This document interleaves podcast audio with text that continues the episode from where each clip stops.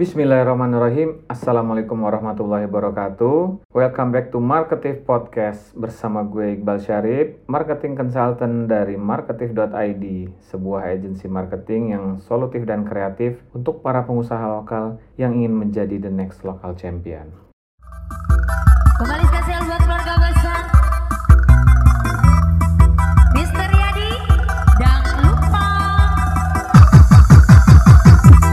Pada kesempatan kali ini, tema yang bakalan gue bahas adalah tentang seluk-beluk permodalan usaha. Isunya tuh ngeri-ngeri sedep gitu dibahas. Jadi ada pertanyaan-pertanyaan kayak gimana caranya mulai usaha tanpa modal, ada yang apakah gue harus pakai investor. Nah untuk menjawab permasalahan itu, gue coba sharing aja pengalaman pribadi gue. Mulai usaha tuh dari tahun 2012, usaha pertama kali gue adalah sebagai reseller baju muslim. Nah reseller itu membutuhkan modal sekitar 7 juta untuk menyetok barang. Dan itu uang gue dapatkan dari penjualan tanah dari orang tua gue sendiri. Lalu di tahun 2014 setelah gue trial error bisnis hampir lebih dari 10 kali, gue akhirnya mencoba peruntungan di bisnis kuliner, di bisnis cafe. Tahun 2014 gue buka karena butuh modal lumayan, akhirnya gue pinjem sama bank. Pada zaman itu belum tahu tuh namanya riba atau tentang riba-ribaan. Jadi gua nggak ngerti. Pokoknya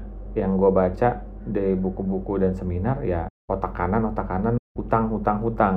Dan alhamdulillah eh, di 2014 itu kafenya lumayan rame dan bagus dan gue bisa ngembaliin modal pinjaman itu berikut bunganya itu kurang lebih tiga bulan dari gue mulai usaha kafe. Nah dari kafe itu bermodal ketidaktahuan gue tentang keuangan, jadi gue menganggap bahwa uang sisa itu adalah keuntungan. Jadi gue nggak tahu namanya laba rugi atau pencatatan. Yang gue tahu ketika ada uang sisa saldo itu berarti keuntungan bisnis dan keuntungan itu gue kumpul-kumpul kumpulin tanpa ilmu, nggak fokus. Gue pengen buka lagi kafe yang lebih keren daripada kafe gue. Jadi gue pengen buka kafe rooftop yang tanpa riset, tanpa analisa cuman pakai asumsi dan persepsi gua doang. Bahkan itu bisnis tutup sebelum dibuka. Mengeluarkan modal kurang lebih 300an juta amsyong dan itu gua anggap sebagai biaya belajar gua. Makanya pesen gue ke teman-teman investasikanlah uangmu itu kepada investasi leher ke atas. Ikutin workshop baca buku seminar YouTube cari mentor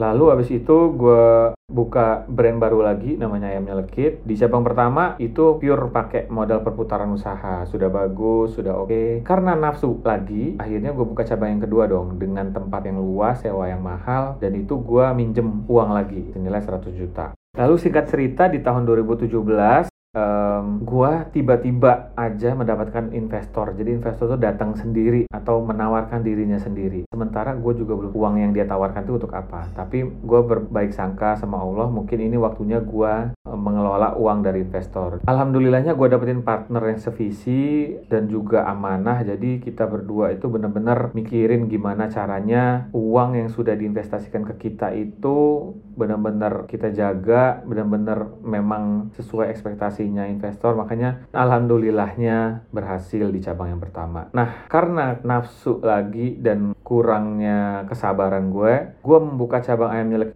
yang ketiga itu dengan uang investor. Dan dua orang lagi investornya. Memang di awal gue screening nih gue emang udah clearin di awal bahwa Uh, kalau lo mau invest ke gue, kita untung bagi untung, rugi bagi rugi, dan dijelasin terms and conditionnya. Dan hasilnya memang kurang baik. Outlet itu harus akhirnya harus tutup, dan gue ngerasa nggak enak banget, gue ngerasa uh, beban banget, gue ngerasa integritas gue dipertaruhkan banget. Makanya ini kekurangan-kekurangan kalau kita itu terlalu nafsu untuk memakai investor. Lo bisa putus silaturahim. Kalau misalnya lo salah-salah, lo bisa dapetin investor yang memang dia nggak ngerti bisnis, tapi dia mau campur tangan. Dan kita juga bisa tertekan baik itu mentalnya baik itu cara kerjanya kita dan merasa beban besar ada di pundak kita gitu. Dan yang paling mahal itu adalah nama baik kita. Itu pelajaran yang gue dapat dari kegagalan kegagalan gue dalam mengelola uang investor. Sampai akhirnya uh, di cabang sambal alu yang kedua itu menjadi pengalaman terakhir gue dan partner untuk mengelola uh, usaha memakai uang investor. Dari situ kita mulai perbaiki lagi perjanjiannya. Dan di situ juga kita benar-benar memilih investor ini punya nggak sih edit value? Bukan sekedar uang yang kita butuhkan tapi mungkin dia punya ilmu lebih dari kita mungkin dia punya pengalaman lebih dari kita. Bahkan dia mungkin punya market atau uh, network yang lebih baik dari kita. Ciri-cirinya investor yang baik adalah uangnya tuh bukan uang panas gitu. Jadi uang dingin yang emang benar-benar uang ngendap yang dia juga udah rela untuk itu rugi atau dia juga nggak butuhin itu dalam waktu dekat. Dan value-nya harus sama. Value-nya sama isinya juga sama. Dan dia ha, kita harus background checking nih dia punya kredibilitas nggak nih dia punya integritas nggak nih? Gue yakinin banget investor yang baik itu adalah investor yang malah yang nggak mata duitan. Tapi pasti dalam benak teman-teman emang ada ya? Kita tekankan nih investasi di kita itu untung bagi untung rugi bagi rugi dan keuangan sebisa mungkin kita transparan. Bahkan malah kita rela tuh di 1 sampai 2 tahun pertama kita sebagai pengelola tuh kadangan malah nggak mendapatkan hasil sama sekali demi untuk menjaga kepercayaan investor. Akhirnya di tahun ini kami sama sekali pure menjalankan usaha itu tanpa investor lagi. Karena kami merasa bahwa sepertinya untuk dalam waktu dekat cukup kami mau mencoba organik saja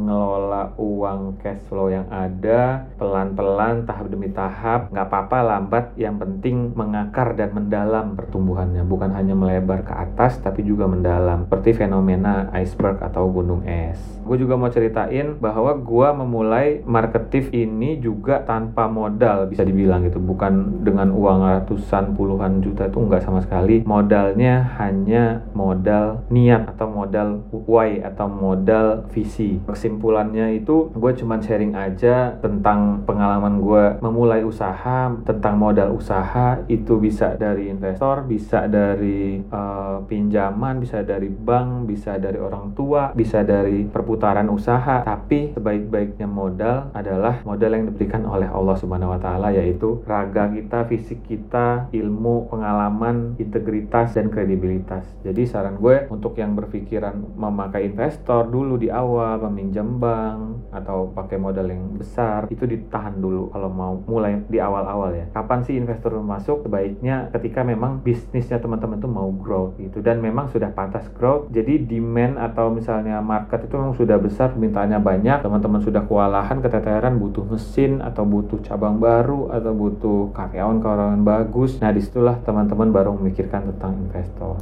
Dan saranku kalau bisa organik ya organik aja. Daripada kita memaksakan akhirnya bukannya untung tapi buntung. Dan nama baik kita juga rusak. Itu aja dari gue. Mohon maaf bila ada salah-salah kata. Gue murni sharing ini supaya teman-teman tuh belajar dari kesalahan dan kebodohan yang gue lakukan. Dan jangan sampai teman-teman melakukan hal yang sama. Ambil baiknya buang buruknya. Terima kasih. Demikian dari gue. Assalamualaikum warahmatullahi wabarakatuh